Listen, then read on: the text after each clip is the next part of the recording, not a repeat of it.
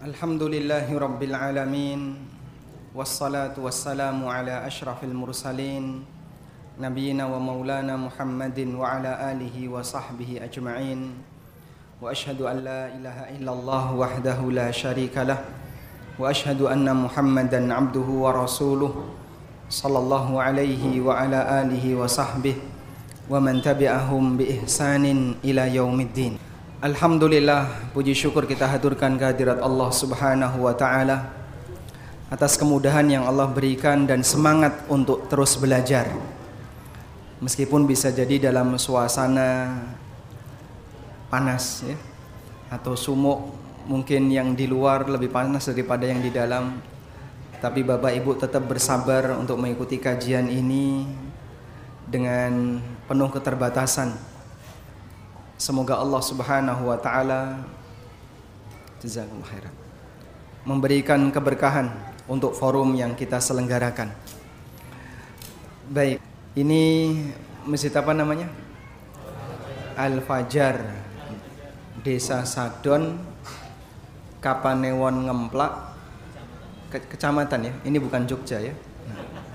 Kecamatan Ngemplak Boyolali Rasa Solo.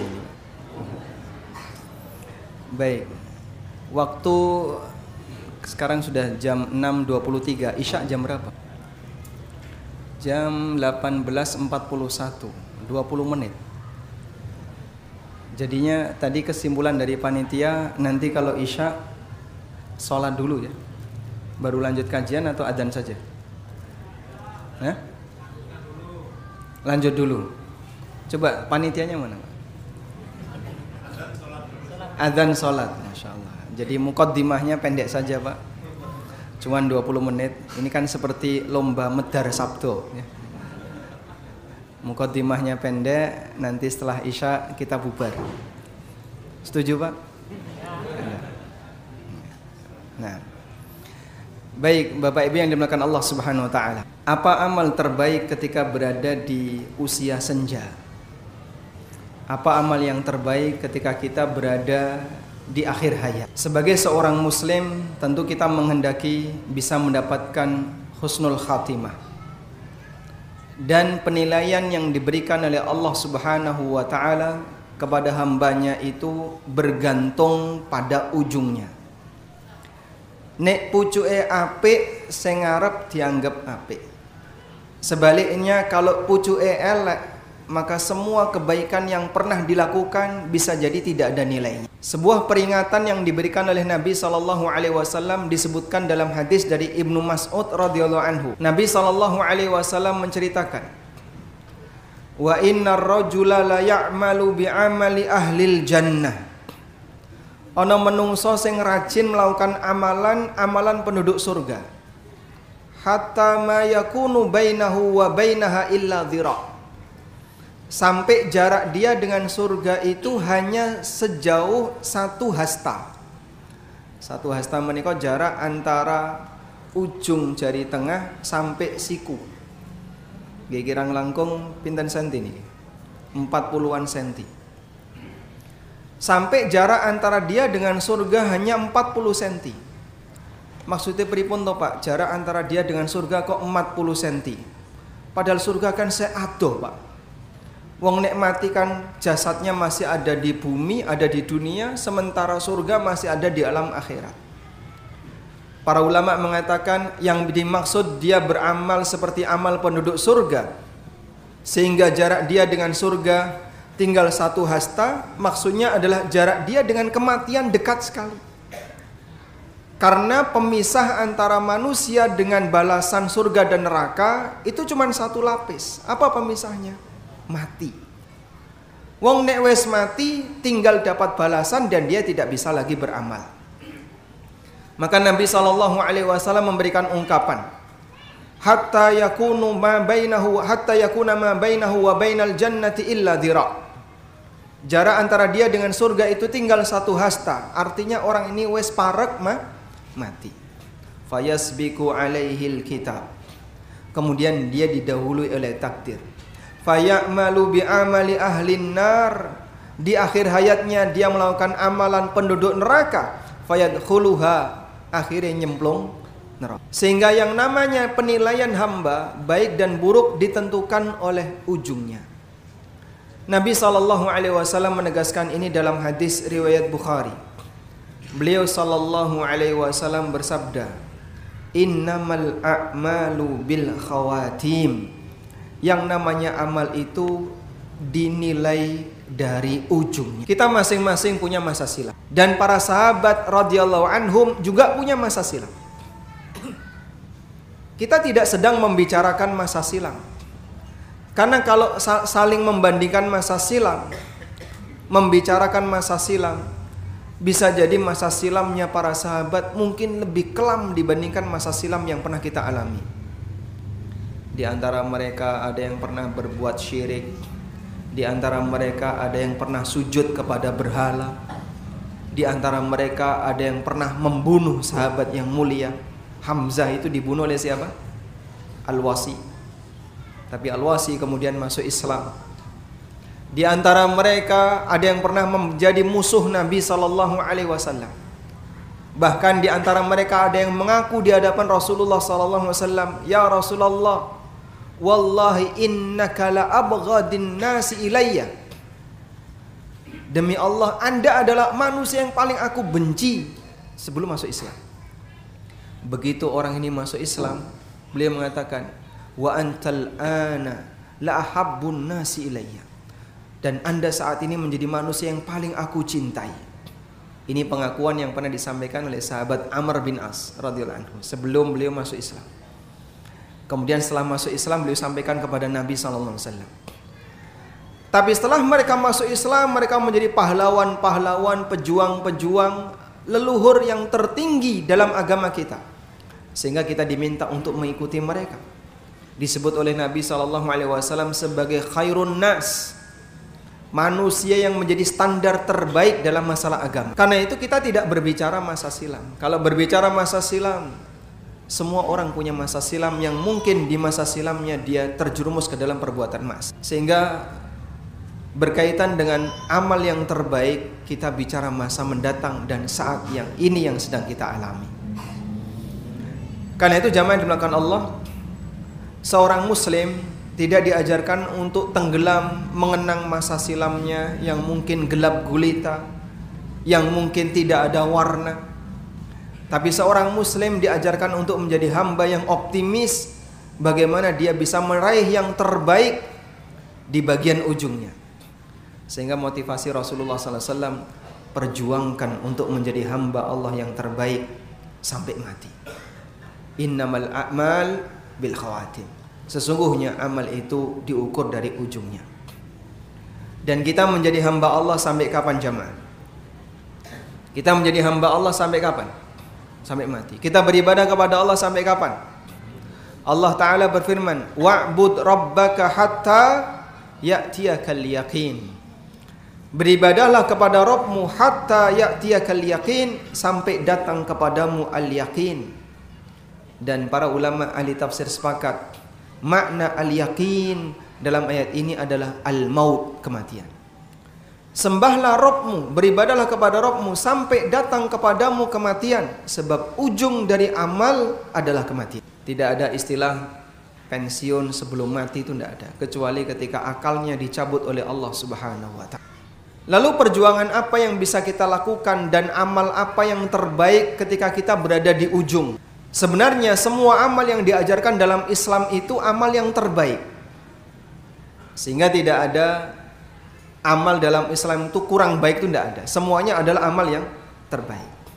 Sebab semua amalan yang diajarkan oleh Nabi Shallallahu Alaihi Wasallam adalah amal yang datang dari wahyu Allah Subhanahu Wa Taala. Dan Allah Subhanahu Wa Taala ketika mewahyukan kepada hambanya Allah berikan yang terbaik. Hanya saja begini jamaah. Dalam masalah waktu itu ada prioritas. Ada sebagian amal yang lebih diunggulkan dibandingkan yang lain dari sisi pertimbangan waktu atau pertimbangan tempat atau pertimbangan maslahat. Sehingga bukan menganulir amal yang lain, bukan meniadakan amal yang lain, tapi kita lebih mengedepankan sebagian amal dibandingkan amal yang lain mengingat pertimbangan waktu. sebab waktunya hanya terbatas. Sebagai contoh, kalau Anda sedang membaca Quran, kemudian terdengar suara adzan salat lima waktu. Mana yang lebih baik? Menjawab adzan atau melanjutkan bacaan Quran? Yang lebih baik yang mana, Pak? Menjawab adzan. Kenapa menjawab adzan? Kenapa menjawab adzan? Karena amalan menjawab adzan tepat pada waktunya. Pada saat adzan dikumandangkan, Anda mendengarnya, waktu yang tepat untuk menjawab adalah ketika itu. Sehingga membaca Quran kita hentikan. Padahal secara umum membaca Quran adalah afdolu dzikri, zikir yang paling afdol karena yang kita baca kalamullah. Namun ketika kita meninggalkan Quran bukan berarti karena kita tidak suka membaca Quran. Tapi kita meninggalkan Quran sesaat sebab di sini ada bagian yang perlu diprioritaskan yaitu amalan yang sesuai dengan waktunya. Di posisi itu Anda disyariatkan untuk menjawab adzan. Di kesempatan yang lain nanti amalnya juga berbeda. Pada waktu jamaah sedang kedatangan tamu dan Anda bersedia untuk menerimanya. Sementara ketika itu bapak-bapak atau ibu-ibu sedang sholat duha. Mana yang harus dilakukan? Melayani tamu atau sholat duha? Yang mana pak? Melayani tamu. Kenapa melayani tamu? Karena itu waktu yang tepat saat tamu datang. Sehingga sholat duha Anda tinggalkan. Padahal secara umum sholat adalah ibadah yang paling Loh, katanya Pak Ustadz, amal yang pertama dihisap itu sholat. Berarti kalau saya sholat, lalu ada tamu datang, rasa digubris. Wayai wong sholat kok teko. Lah tamunya sampean kan gak ngerti nek sampean sholat duha. Ya seharusnya dia pengertian. Jam sholat duha itu ya jangan bertamu. Terus bertamu yang tepat kapan? Ya pas tidak waktunya sholat, datang berduhur. Ora dibuka nih, waya wong istirahat kok bertamu. Terus yang tepat kapan? Datang setelah asar. Iki waya dikir sore kok bertamu. Kalau kemudian berbicara tentang masalah waktu, Anda mungkin akan mengisi waktu Anda untuk ibadah atau istirahat. Tapi seorang muslim ketika kehadiran tamu di waktu yang dia mengizinkan tamu itu masuk melayani tamu lebih baik daripada apa? Ibadah yang lain. Sebab ini bagian dari prioritas. Sehingga bukan karena kita tidak suka sholat atau menganggap sholat itu ibadah tidak penting. Namun dalam posisi ini melayani tamu menjadi ibadah yang lebih penting yang lebih diprioritaskan karena itulah waktu yang sedang Anda alami. Orang kalau paham seperti ini berarti dia mengerti bagaimana prioritas dalam hidup. Dia tahu bagaimana prioritas dalam hidup. Sehingga salah satu di antara kesempurnaan Islamnya seorang hamba dia berusaha untuk mengambil yang terbaik ketika beramal. Di usia muda ada amalan, di usia tua ada bagian amalan juga. Dan perlu untuk diprioritaskan. Kalau tua itu yang lebih dibuat dominan yang mana? Ketika sudah berada di usia tua, yang dibuat lebih dominan yang mana? Itu yang penting untuk kita pikirkan. Dan ini bagian dari turunan kesempurnaan Islam seseorang. Tahu dan paham tentang prioritas. Sesuai dengan waktunya. Makanya Allah Subhanahu wa taala menurunkan syariat dan Allah jadikan syariat itu berbeda-beda prakteknya sesuai dengan latar belakang masing-masing hamba. Tugas suami dengan tugas istri sama atau beda, Pak? Ya? Beda. Kalau suami ada di rumah, lebih baik mana? Istri puasa sunnah atau tidak puasa sunnah? Ya? Tidak puasa. tidak punya pengalaman. Dalam posisi ketika dia harus siaga melayani suaminya. Bisa jadi tidak puasa lebih afdol daripada dia puasa. Bahkan kita bisa lihat sampai istri Rasulullah sallallahu alaihi wasallam Aisyah radhiyallahu anha mengatakan Kuntu alayya saumu Ramadan falam aqdihi hatta ya'ti Syabban Aku memiliki utang puasa Ramadan. Dan aku tidak bisa untuk mengkodoknya sampai bulan Sya'ban. Dalam riwayat yang lain disebutkan tambahan lima kanati Rasulillah sallallahu alaihi wasallam. Karena dalam rangka untuk melayani Rasulullah SAW. Karena posisi Nabi SAW maksudnya adalah dalam rangka melayani Nabi SAW. Aisyah itu ngalai nunda kodok puasa sampai Syakban karena kaidahnya begini. Orang ketika sedang puasa wajib nggak boleh dibatalin. Kalau puasa sunnah boleh dibatalin. Sehingga ketika beliau puasa sunnah kok tiba-tiba Nabi Shallallahu Alaihi Wasallam punya hajat mudah bagi beliau untuk membatalkan. Sebab puasa sunnah bisa dibatalkan. Tapi kalau wajib beliau tidak ingin. Dalam posisi ketika Nabi SAW ada hajat Aisyah sedang kodok Ramadan. Terhalangi sebab beliau sedang berpuasa wajib. Sampai beliau pilih nunda dalam rangka untuk melayani suaminya. Siaga seperti ini salah satu di antara contoh bagaimana ibadah seorang wanita kepada Allah dalam bentuk memberikan ketaatan kepada suaminya. Ini berbeda dengan ibadahnya laki-laki. Ibadahnya laki-laki mereka dituntut bagaimana bisa menjadi manusia yang banyak berkarya untuk masyarakat dengan potensi yang dia miliki. Bagaimana bisa menjadi orang yang banyak memberikan kebaikan bagi masyarakat dengan apa pun yang bisa dia kerahkan. Itu laki-laki. Sehingga dia harus keluar rumah, dia sampaikan kebaikan kepada masyarakat, dia berdakwah, dia mengajar. Ini dakwahnya laki-laki, ini pekerjaannya laki-laki.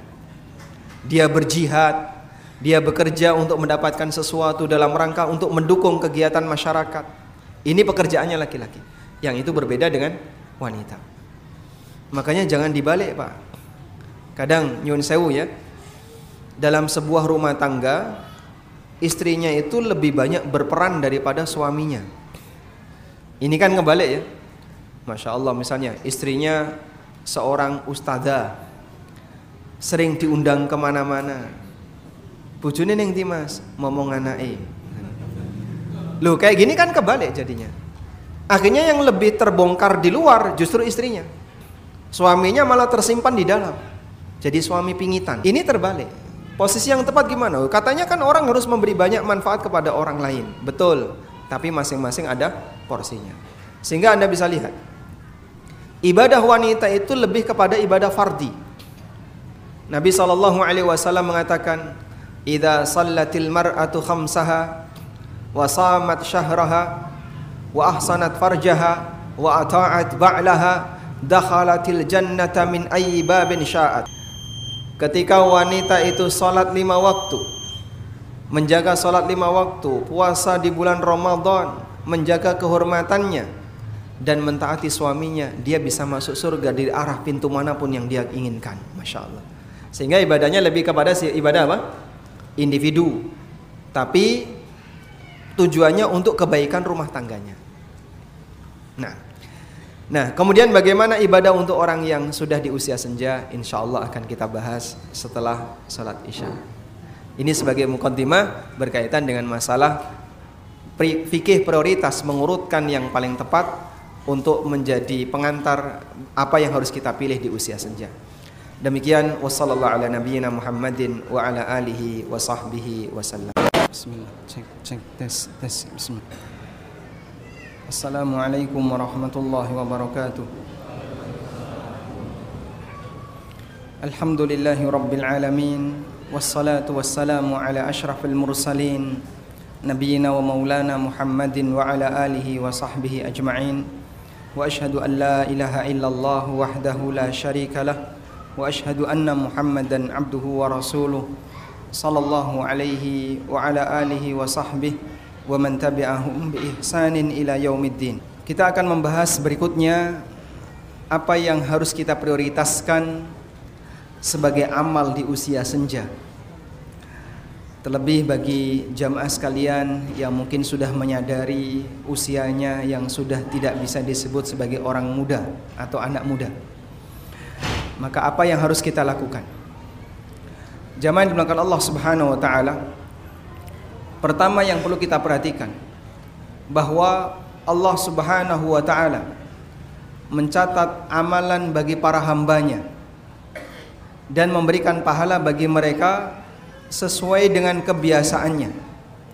Meskipun bisa jadi yang bersangkutan tidak tidak mengerjakannya. Dalam salat Isya yang tadi kita laksanakan, imam membaca surat apa di rakaat yang pertama? Al-Fatihah. Surat apa? At-Tin. Allah Subhanahu wa taala berfirman di surat At-Tin. Illal ladzina amanu wa salihati falahum ajrun ghairu Kecuali orang yang beriman dan beramal saleh, dia mendapatkan pahala yang ghairu mamnun, yang terus mengalir. Allah menjanjikan pahala untuk orang-orang yang beriman. Sebagaimana pahala yang Allah janjikan untuk Nabi sallallahu alaihi wasallam. Nabi Muhammad sallallahu alaihi wasallam disebutkan oleh Allah di surat Al-Qalam. Wa inna laka la ajran ghaira mamnun. Sesungguhnya engkau wahai Muhammad memiliki pahala yang ghairu mamnun yang tidak pernah putus. Orang mukmin juga diberi oleh Allah Subhanahu wa taala janji yang semisal. Illal ladzina amanu wa amilus salihati falahum ajrun ghairu mamnun. Kecuali orang-orang yang beriman dan beramal saleh, mereka mendapatkan pahala yang terus mengalir. Ada seorang ulama mazhab Malikiyah bernama Ibnul Muhallab. Ibnul Muhallab rahimahullah mengatakan, "Hadza min minnatillahi ala ibadihi." Ini bagian dari kenikmatan yang Allah curahkan untuk para hambanya.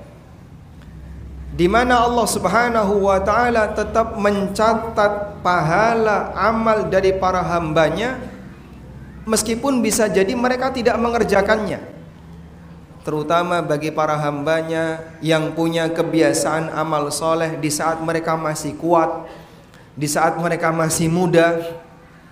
Lalu ada waktunya fisik itu tidak bisa lagi diajak untuk mengerjakannya.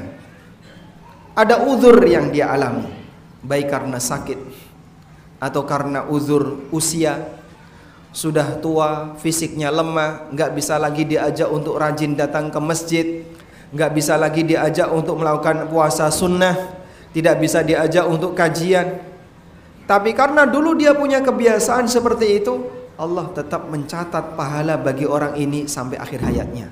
Sebab bapak ini, ibu ini yang sudah tua, yang sudah uzur fisiknya, dia tidak mengerjakan puasa sunnah, bukan karena males, tapi karena sudah nggak sanggup lagi untuk berpuasa yang bersangkutan tidak bisa hadir jamaah di masjid bukan karena malas tapi karena yang bersangkutan sudah tidak lagi sanggup untuk berjalan menuju masjid mereka meninggalkan ketaatan bukan karena malas tapi karena ada uzur.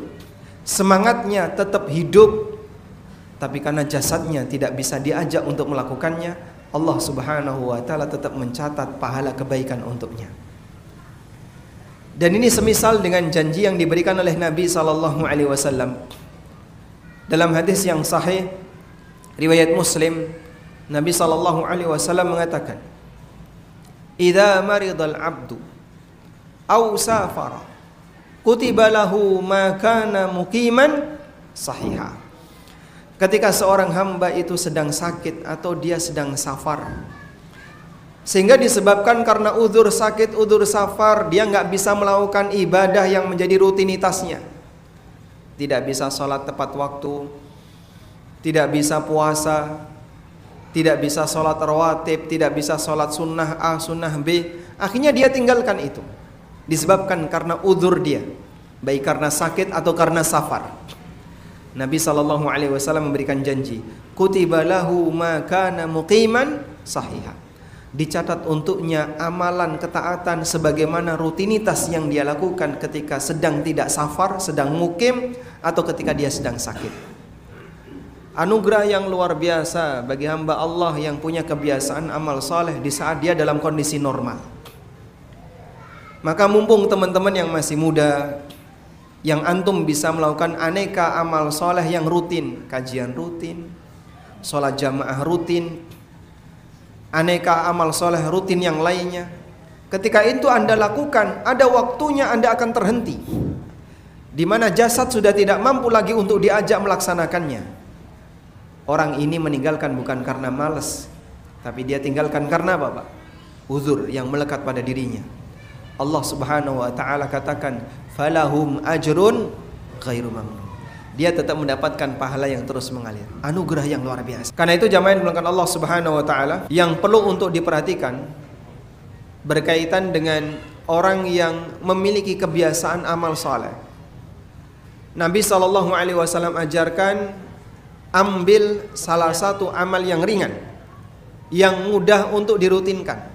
Jadi amal soleh itu jangan putus di tengah jalan. Sebab kita beramal itu bukan model mut-mutan. Kalau lagi ngemut permen, ya.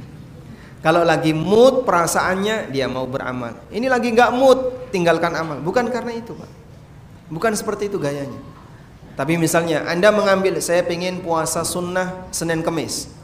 Lakukan terus semampu yang Anda bisa lakukan. Sampai kapan Pak? Sampai mati kalau perlu. Kalau saya sakit gimana?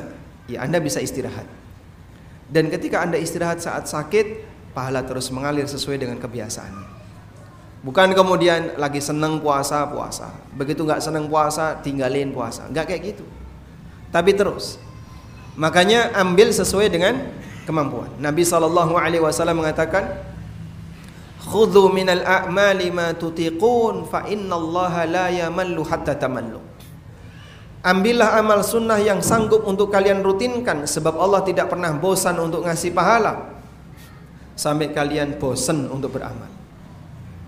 Makanya dulu para sahabat yang memiliki wadhifah, amal rutin ini disebut dengan wadhifah. Mereka ketika sudah memiliki wadhifah itu dikerjakan sampai mati. Sahabat Abdullah bin Amr bin As radhiyallahu anhu pernah meminta kepada Nabi SAW pada waktu beliau masih muda. Ya Rasulullah, saya bisa puasa tiap hari. Kemudian Nabi SAW ingatkan, La sama liman sama dahr. Tidak ada nilai puasa bagi yang puasa tiap hari. Karena tidak boleh puasa tiap hari. Karena pasti nanti dia akan nabrak hari raya, nabrak hari tasyrik dan tidak boleh puasa ketika itu. Kemudian Nabi sallallahu alaihi wasallam ajarkan sum syahras sabri wa yaumun fi kulli syahr. Kamu cukup puasa di bulan sabar dan satu hari di setiap bulan selainnya. Puasa di bulan sabar maksudnya bulan Ramadan. Dan satu hari puasa sunnah di selain puasa di selain bulan Ramadan. Tapi Abdullah bin Amr tetap meminta, saya bisa lebih dari itu ya Rasulullah. Kalau begitu puasalah tiga hari tiap bulan. Saya bisa lebih dari itu. Kalau begitu kamu puasa ketika bulan haram. Dhul Qa'dah, Dhul Hijjah, Muharram, dan Rajab. Saya bisa lebih dari itu. Kemudian Nabi SAW memberikan puasa yang terbaik. Sum yauman wa aftir yauman fawwasiyamu Dawud wala tazid ala dalik. Silakan kaum puasa sehari dan tidak puasa sehari. Itulah puasa Dawud dan jangan ditambah lagi. Kenapa beliau melarang untuk nambahi? Sebab puasa Dawud itu sudah puasa puncak yang terbaik. Kalau ditambahi bukannya semakin memperbaiki tapi semakin merusak. Maka kalau sudah yang terbaik jangan ditambahi. Baik. Abdullah bin Amr mengerjakan itu sampai kapan? sampai beliau tua. Sehingga ketika beliau sudah merasakan beratnya menjaga puasa Daud, beliau kemudian komentar, andai dulu saya mengikuti saran Nabi Sallallahu Alaihi Wasallam yang cukup puasa tiga hari tiap bulan atau puasa ketika bulan haram saja, tentu itu akan lebih ringan bagiku. Sekarang dalam posisi ketika beliau puasa Daud, tua itu nggak putus, tetap beliau lakukan sampai nggak sanggup Sampai titik terakhir ketika orang sudah tidak lagi sanggup untuk beramal. Di saat itulah ketika dia leren beramal, dia berhenti karena uzur usia, pahalanya terus mengalir. Amilus salihat falahum ajrun ghairu. Baik. Ini yang pertama. Jadi miliki kebiasaan amal sunnah semampu yang bisa kita jangkau. Semoga Suatu saat nanti ketika kita punya udur sehingga kita tidak bisa lagi melaksanakannya, Allah tetap memberikan catatan pahala sesuai dengan kebiasaan baik yang kita kerjakan sebelumnya. Selanjutnya yang kedua, yang perlu untuk dikedepankan pada waktu seorang hamba berada di akhir hayatnya adalah memperbanyak taubat kepada Allah. Kenapa memperbanyak taubat dan istighfar kepada Allah? Sebab dalam setiap akhir dari amalan kita diajarkan untuk beristighfar dan mohon ampun kepada Allah. Bahkan amalan Nabi sallallahu alaihi wasallam diperintahkan oleh Allah untuk diakhiri dengan banyak taubat. Menjadi nabi itu amal atau bukan, Pak? Amal. Nabi Muhammad sallallahu alaihi wasallam ketika menjadi nabi Allah perintahkan di akhir hayat beliau untuk memperbanyak bertobat kepada Allah dengan diturunkannya surat apa? Surat apa? Surat An An-Nasr. Gimana kalimat yang menunjukkan taubat? Innahu. Masya Allah. Tafadhal Ustaz. Dapat dia Ustaz. Dengan diturunkannya surat An-Nasr. Idza jaa nasrullahi wal fath. Wa ra'aitan nasa yadkhuluna fi dinillahi afwaja. Apabila telah datang pertolongan Allah dan fathu Mekah wa ra'aitan nasa yadkhuluna fi dinillahi afwaja. Dan kau saksikan banyak orang masuk ke dalam agama Allah dengan berbondong-bondong. Mereka masuk ke dalam agama Islam dari suku perwakilan suku. Suku A datang perwakilannya. Sekian orang ya Rasulullah suku kami membaiat anda untuk masuk Islam. Inilah baiat yang benar bayat kepada pemimpin yang legal dan mereka membaiat Nabi Shallallahu Alaihi Wasallam ketika masuk Islam. Suku yang kedua datang seperti itu. Satu suku masuk Islam, satu suku masuk Islam. Mereka nggak datang bareng ya. Sehingga rombongannya itu maksudnya adalah wakil. Maka mereka masuk Islam secara berbondong-bondong Satu suku masuk Islam, suku yang lain gantian seperti itu Akhirnya di tahun itu Nabi SAW kebanjiran tamu Maka tahun itu disebut dengan Amul Wufud tahun di mana Nabi SAW kebanjiran tamu. Tahun berapa ini? Amul Wufud tahun berapa, Pak? Ada yang tahu? Amul Wufud tahun berapa? Tahun berapa? Hijriah. Titik-titik Hijriah. Hah? Sepuluh. Sepuluh kebanyakan. Tujuh kurang. Delapan meleset dikit. ya sudah. Sembilan Hijriah. Tahun sembilan Hijriah Kenapa Rasulullah Sallallahu Alaihi Wasallam tidak melaksanakan haji di tahun itu? Padahal haji di tahun itu sudah ada pelaksananya di antara kaum muslimin. Pertama yang melaksanakan haji di kalangan kaum muslimin Abu Bakar As-Siddiq di tahun 9 Hijriah. Rombongan yang dipimpin oleh Abu Bakar bersama para sahabat yang lain dan Nabi SAW tetap di Madinah. Dan di tahun 9 Hijriah inilah Abu Bakar membersihkan kota Mekah. Ada pengumuman orang musyrikin besok sudah tidak boleh lagi haji. Ini tahun terakhir mereka boleh. Sebab ketika Nabi SAW mau datang ini harus disterilkan dari orang yang tawaf dalam kondisi telanjang. Maka sebelum Nabi SAW haji kota Mekah Masjidil Haram steril dari orang yang tawaf dalam kondisi telanjang. Itu tahun 9 Hijriah. Itulah yang dimaksud dengan Amul Wufud. Banyak sekali orang yang berdatangan. Sehingga beliau menunda keberangkatan haji. Yang berangkat adalah rombongannya Abu Bakar radhiyallahu anhu. Baik Allah Subhanahu wa taala katakan, mereka masuk Islam secara berbondong-bondong. Ketika masyarakat semuanya sudah muslim, maka berarti tugas Nabi sudah selesai. Dan kalau tugas Nabi sudah selesai, berarti beliau menghadap Allah Subhanahu wa taala. Sebab pensiunnya seorang nabi adalah menerima pahala dari Allah dan menerima pahala dari Allah adalah wafatnya beliau sallallahu alaihi wasallam. Karena itu Ibnu Abbas radhiyallahu anhu mengatakan, "Lamma nuzilat hadhihi surah aliman nabiyyu sallallahu alaihi wasallam annahu nu'iyat ilaihi nafsuh." Ketika Nabi sallallahu alaihi wasallam mendapatkan surat An-Nasr, beliau menyadari ini adalah pengumuman akhir hayat beliau sallallahu alaihi wasallam. dalam musyawarah yang diselenggarakan di zaman Amirul Mukminin Umar bin Khattab radhiyallahu anhu. Anggota musyawarah sahabat-sahabat senior di kalangan Muhajirin dan Ansar yang senior-senior. Tapi beliau menghadirkan Ibnu Abbas. Pada saat Ibnu Abbas dihadirkan, maka sahabat yang senior itu merasa nggak nyaman. Iki cacilik kok melu ning. Sebab waktu Nabi wasallam wafat, Ibnu Abbas usia berapa, Pak? Hah? Beliau usia murahaqah. Mendekati balik, mendekati balik. Mungkin 14 tahun, mungkin 13 tahun. Yang jelas mendekati balik. Jadi Rasulullah SAW wafat, Ibnu Abbas itu belum balik, mendekati balik. Abu Bakar 2 tahun. Lalu Umar. Berarti ketika itu usia Ibnu Abbas 20-an tahun. Kalau kita anggap misalnya di pertengahan masa kekhalifahan Umar. Sehingga Ibnu Abbas dijadikan oleh Nabi Sallallahu Alaihi Wasallam sebagai anggota majelis Dewan Syuro di usia 20 20-an tahun. Baru lulus SMA atau baru lulus kuliah. Tapi Masya Allah anggota yang lain semuanya sudah senior-senior. Maka mereka keberatan. Ini cacile kok masuk. Dites sama Umar bin Khattab.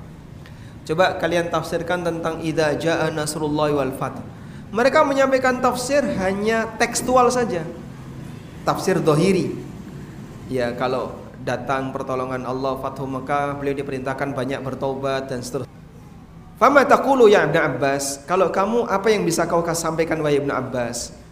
Ibnu Abbas mengatakan hadza qurbu ajalin Nabi sallallahu alaihi wasallam. Surat ini menunjukkan dekatnya ajal Nabi sallallahu alaihi wasallam. Surat ini menunjukkan dekatnya ajal Nabi sallallahu alaihi wasallam. Coba Pak, anda baca surat An-Nasr dari ayat pertama sampai terakhir, apa hubungannya dengan ajal? Ada nggak, Pak? Nggak ada. Tapi Ibnu Abbas bisa memberikan tafsir surat ini menandakan dekatnya ajal Nabi SAW karena beliau memahami bahwa ketika tugas Rasulullah SAW sudah selesai ditandai dengan ditaklukannya kota Mekah dan masyarakat sudah masuk Islam maka beliau akan menghadap Allah Subhanahu wa taala. Karena itulah Rasulullah sallallahu alaihi wasallam menyadari turunnya surat An-Nasr adalah nu'iyat alaihi nafsu. Ini pengumuman sebentar lagi beliau wafat. Qala Al-Hasan kata Al-Hasan a'lama annahu qad iqtaraba ajaluhu. Allah memberitahu kepada nabinya sallallahu alaihi wasallam bahwa ajalnya sudah dekat. Fa amara bit tasbih wat taubati liyuhtimalahu bizziyadati fil amali salih. Maka Allah perintahkan beliau sallallahu alaihi wasallam untuk bertasbih dan bertaubat. Fasabbih bihamdi rabbika wastaghfir. Innahu kana tawwaba. Untuk mengakhiri hidup beliau dengan memperbanyak amal saleh dan ketaatan kepada Allah Subhanahu wa taala. Sehingga bisa kita perhatikan jika seorang nabi diperintahkan oleh Allah untuk mengakhiri hayatnya dengan memperbanyak bertaubat, berarti kita gimana, Pak? Lebih berkepentingan dengan. Maka amal yang tertinggi yang diprioritaskan oleh seorang hamba ketika di akhir hayat adalah memperbanyak bertobat kepada Allah. Mohon banyak ampunan dari Allah Subhanahu wa taala. Meskipun kita kita paham, taubat itu kan wazifatul hayah, tugas hidup. Kita tobat kan nggak nunggu tua, Tobat nunggu apa Pak? Nunggu tua nggak? Tidak. Kita tobat setiap saat. Betul.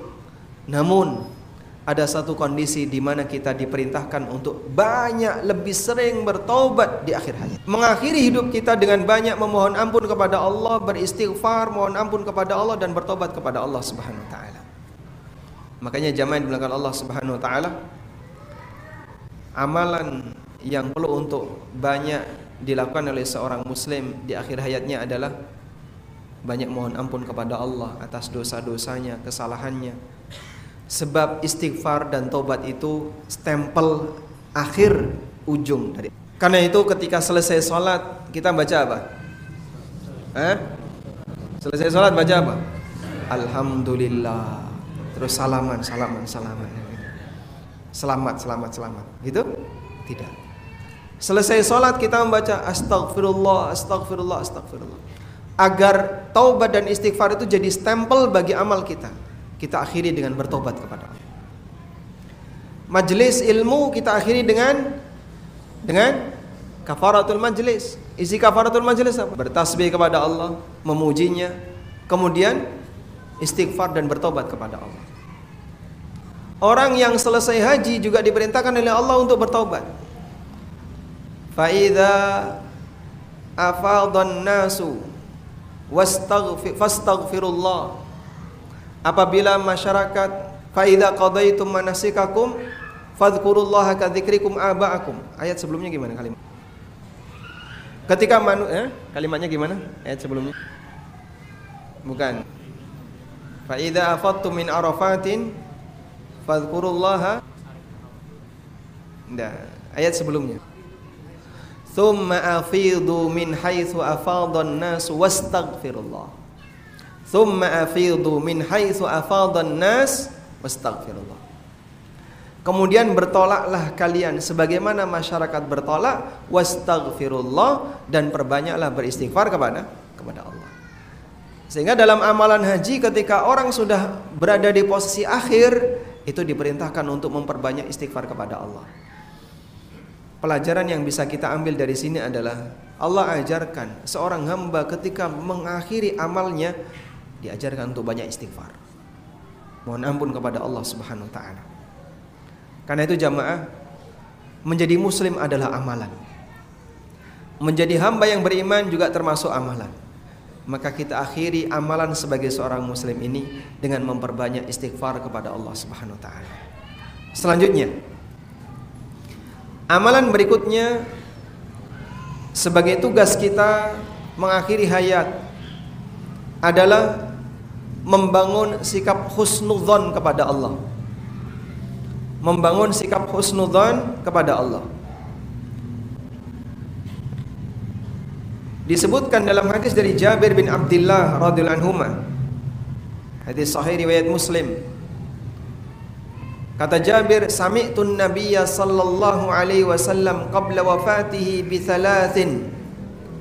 Yaqul, Aku mendengar Rasulullah sallallahu alaihi wasallam tiga hari sebelum beliau diwafatkan oleh Allah, beliau menyampaikan pesan la yamutanna ahadukum illa wa huwa yuhsinu billahi dhanna jangan sampai kalian mati kecuali dalam kondisi husnudzan kepada Allah la yamutanna ahadukum illa wa huwa yuhsinu billahi dhanna jangan sampai kalian mati kecuali dalam kondisi husnudzan kepada Allah Maksudnya bagaimana Pak? Yang dimaksud dengan membangun husnudzon kepada Allah Ta'ala adalah lebih memperbanyak dan dominan posisi roja dibandingkan khauf. Lebih dominan posisi roja dibandingkan khauf.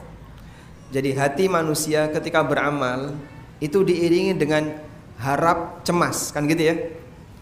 Diiringi dengan apa? Harap dan cemas. Sebenarnya aktivitas apa pun yang kita lakukan pasti diiringi dengan harap dan cemas. Dan itu kita praktekkan dalam beribadah. Misalnya, jenengan mau usaha modalnya biro 10 juta dipakai beli gerobak, dipakai beli apa perlengkapan dan seterusnya, dodolan cilok. Pada waktu Anda bisnis saat mengawalinya dalam hati ini diiringi dengan apa? Harapan dan cemas. Berharap ngitung badi. Nah, kira-kira nek modal sakmene dalam waktu sekian bulan untung sekian. Nek payu kabeh. Nek payu setengah sek badi sekian orang punya harapan ketika dia membuka usaha. Di saat yang sama dia juga dihantui dengan kecemasan. Nggo nek payu ya kira-kira rugi sakmene. Terus kalau rugi nanti kira-kira solusinya bagaimana? Ada unsur apa? Cemas. Sehingga seorang mukmin ketika beribadah sama sebagaimana manusia ketika bekerja. Ada harapan dan ada cemas.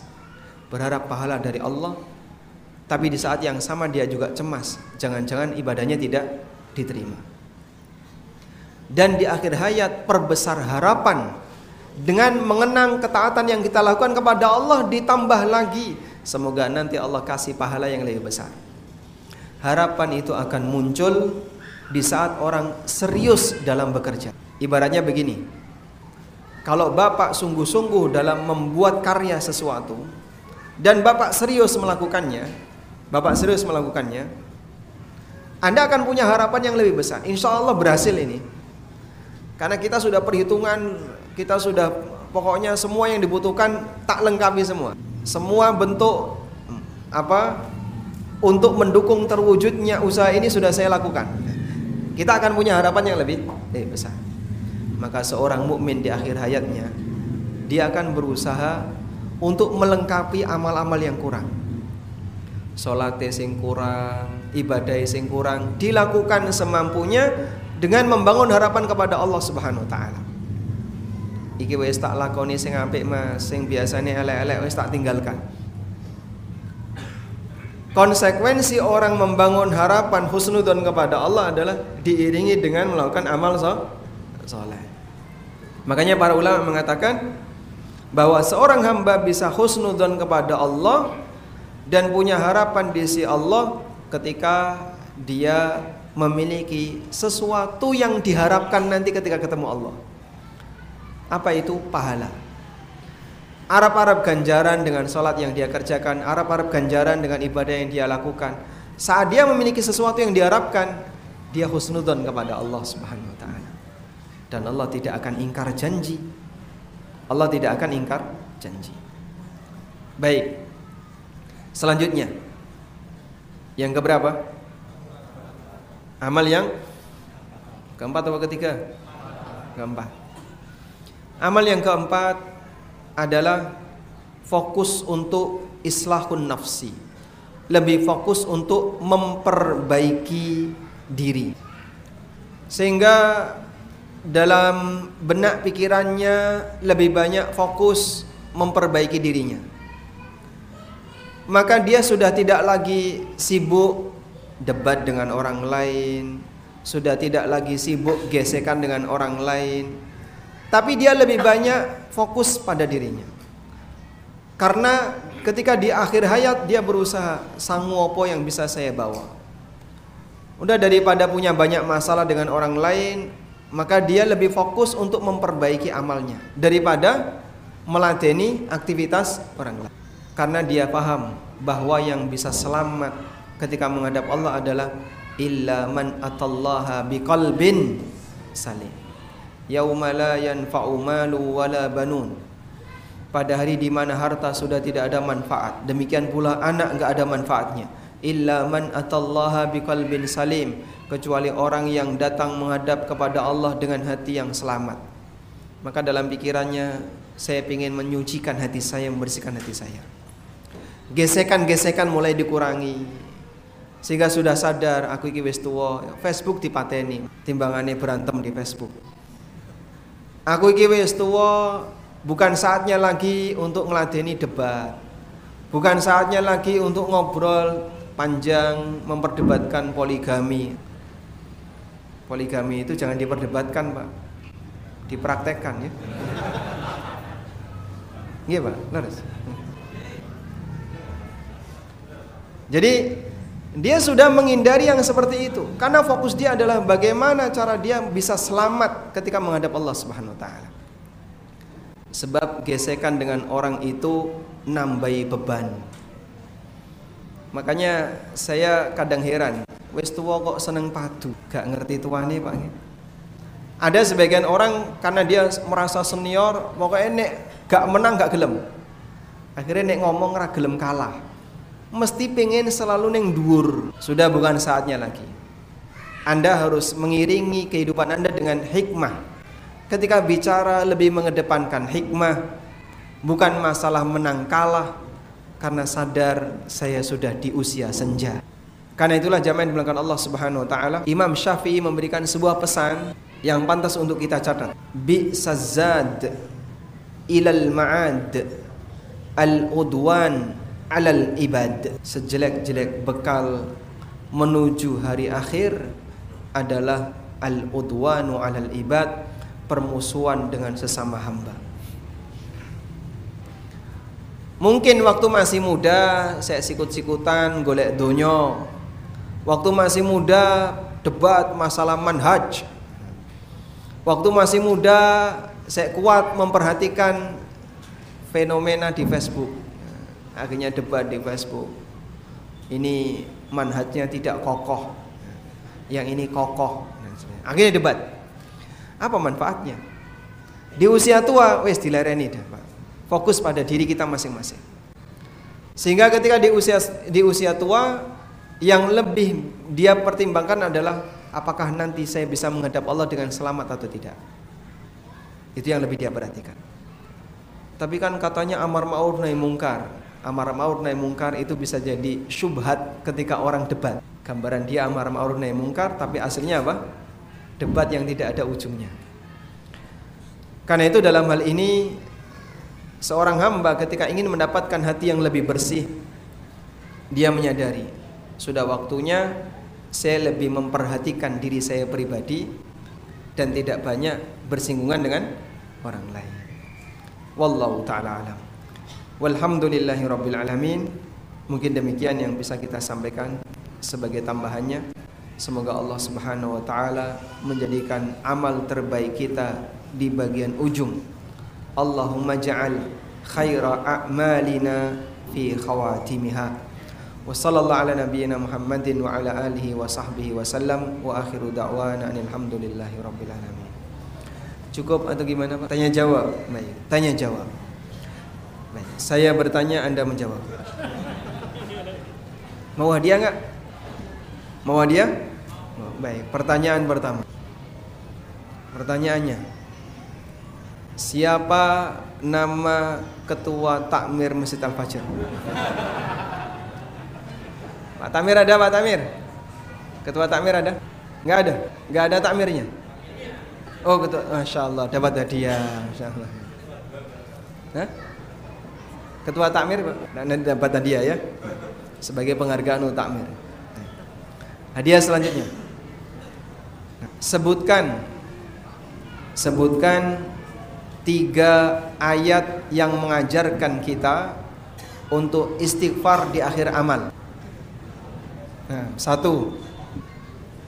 Baik, nggak apa-apa. Tiga dalil berarti sekarang saya ganti. Satu, selesai bermajelis. Dua, selesai sholat wajib. Yang ketiga, selesai Baik, barakallahu fiikum. Nah, baik, langsung atau gimana? Mulai dari kertas?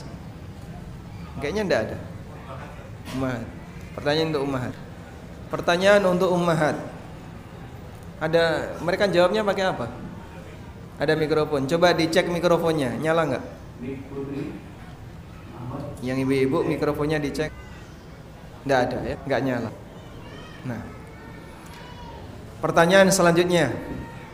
Apa makna illalladzina amanu wa amilus salihati falahum ajrun ghairu mamnun? sesuai dengan apa yang menjadi kebiasaannya. Masya Allah, barakallah. Sudah? Satu lagi yang terakhir. Ibu-ibu bisa coba mikrofonnya ada?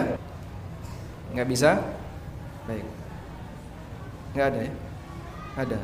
Coba mikrofon ada di mana? Nah, baik. Nggak ada kayaknya. Nah. Selanjutnya. Nah. Di antara jamaah ada nggak yang sepanjang hidupnya sampai usia saat ini belum pernah utang? Ini orang berprestasi. Coba angkat tangan. Nah, yang SD aja ya. Kelas berapa, Mas? Hah? Kelas 3. Belum pernah utang? SPP-nya ngutang kok. Ini belum pernah utang. Yang sudah dewasa, yang sudah dewasa. Cacilik kok diajukan tuh. Ada? Gak ada? Masya Allah. Alhamdulillah. Berarti punya pengalaman ngutang ya? Semuanya punya. Baik. Gak jadi pak berarti. Pak. Cukup? Ada yang mau disampaikan? Enggak ada? Baik, ada 10 doorprize langsung kita bacakan Ustaz. Langsung dibacakan? Iya, Satu satu ini dari Ahmad Ibu Hartini Beramat Sindon. Mohon mendengar ke panitia panitia Ahmad. Satu Ibu Hartini Sindon. Yang kedua Ibu Elina Banyu Agung. Yang ketiga Ibu Lisa Magot yang keempat Ibu Nur Rohmah Welar Pandian yang kelima Ibu Dia Afriska Masjid Agung Karanganyar. Saya untuk Ahmad. Satu Ibu Hartini Sindon kedua Ibu Elina Banyu Agung yang ketiga Ibu Lisa Magot yang keempat Ibu Norok Mahwala Pandian. Yang lima Ibu Dia Afriska. Selanjutnya untuk Ikhwan. Satu Bapak Yudi dari Solo kedua Abu Hanif atau Ibu Kalioso. Yang ketiga Bapak Surono Bayan. Yang keempat Bapak Eko Sadon Kulon. Yang kelima Abu Hasan Daratan. Saulang untuk Ikhwan yang mendapat door prize satu Bapak Yudi Solo. Dua Abu Hanif Ibu Kalioso yang ketiga Bapak Surono Bayan, yang keempat Bapak Eko Sadon Kulon, yang kelima Abu Hasan Baratan. Barakallahu Alhamdulillah. Baik, silakan. Berdiri boleh? Waalaikumsalam warahmatullah. Afwan. Ini ada kunci mobil yang ketinggalan di sebelah selatan tempat wudhu mohon menghubungi ke tempat suara masih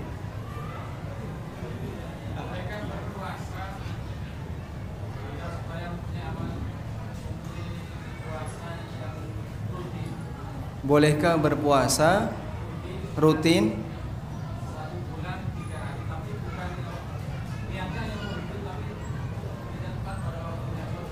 Tidak tepat pada waktunya. Ya.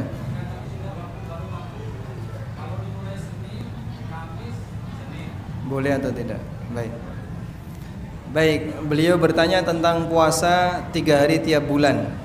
Apakah boleh dilakukan di selain ayamul bid? Jawabannya hadis yang menyebutkan tentang ayamul bid adalah hadis Abu Dhar. Dan puasa tiga hari tiap bulan itu ada banyak riwayat. Oleh karena itu kesimpulannya adalah bahwa puasa tiga hari tiap bulan bisa dilakukan fleksibel. Maka boleh awal bulan sehari, tengah sehari, akhir sehari. Bisa tiga hari berturut-turut ditaruh di awal, di tengah, di akhir. Bisa juga ditempatkan pas ayamul bid. Sehingga bisa di ayamul bid, bisa di akhir dan seterusnya. Hanya saja ulama beda pendapat. Yang afdol itu yang mana? Ada yang mengatakan di awal lebih afdol. Mereka beralasan Allah Ta'ala perintahkan agar kita bersegera dalam melakukan amal saleh. Wasari'u ila maghfiratin fastabikul khairat.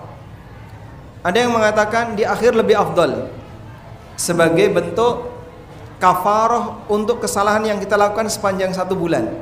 Maka kita kafarohi dengan berpuasa di akhir bulan. Dan ada yang mengatakan di tengah lebih afdal ketika ayamul bid menyesuaikan dengan hadis Abu Dhar. Maka posisi waktu ini sifatnya afdoliyah sehingga Anda kerjakan amal puasa tiga hari tiap bulan mau awal, tengah, akhir silahkan. Semuanya sah, berurut-urut boleh, terpisah-pisah juga boleh. Wallahu a'lam. Barakallahu fikum. Waalaikumsalam warahmatullahi. Nah.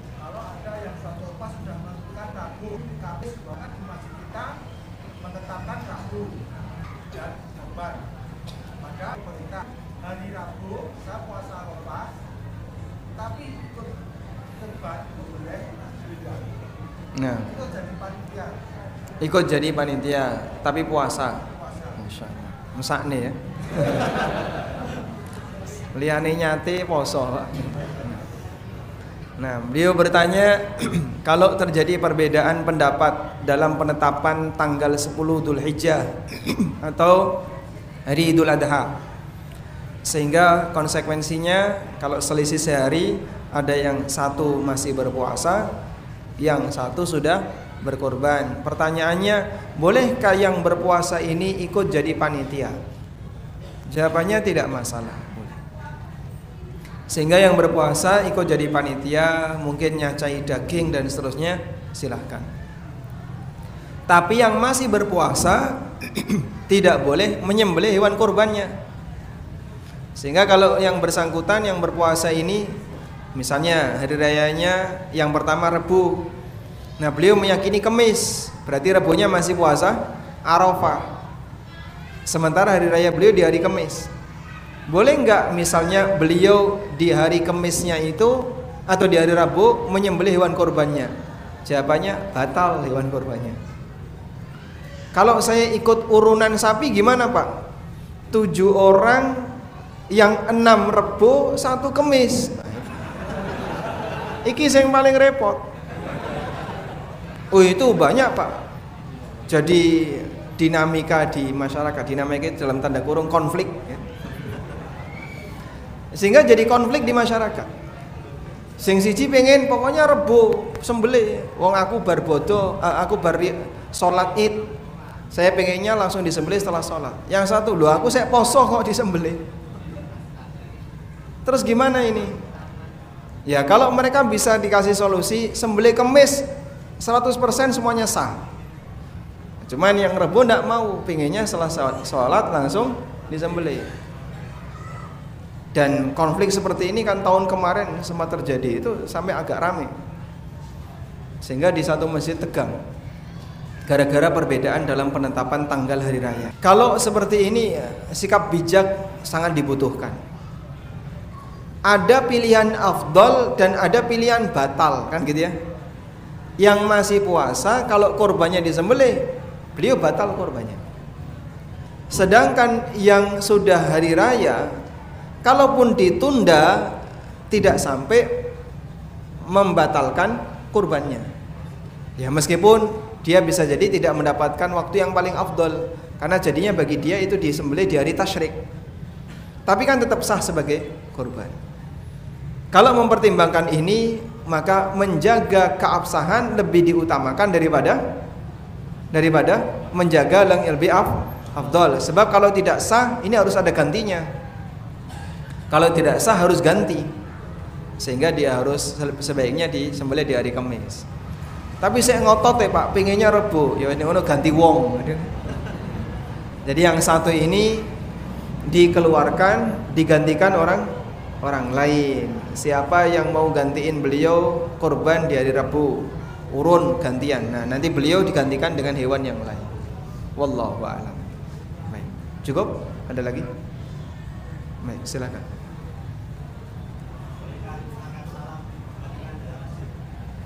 Bolehkah akad salam dilakukan dalam masjid? Salam termasuk praktek jual beli. Sehingga praktek jual beli apa pun tidak boleh dilakukan di dalam masjid. Wallahu a'lam. Baik. Cukup ya kayaknya. Nah, demikian yang bisa kita bahas di kesempatan kali ini. Semoga apa yang kita bahas di kesempatan ini bermanfaat bagi saya pribadi dan jamaah sekalian. Allahumma anfa'na bima 'allamtana wa 'allimna ma yanfa'una warzuqna ilma wa sallallahu ala nabiyyina Muhammadin wa ala alihi wa sahbihi wa sallam wa akhiru da'wana alhamdulillahi rabbil alamin. Wassalamu alaikum warahmatullahi wabarakatuh. Amen.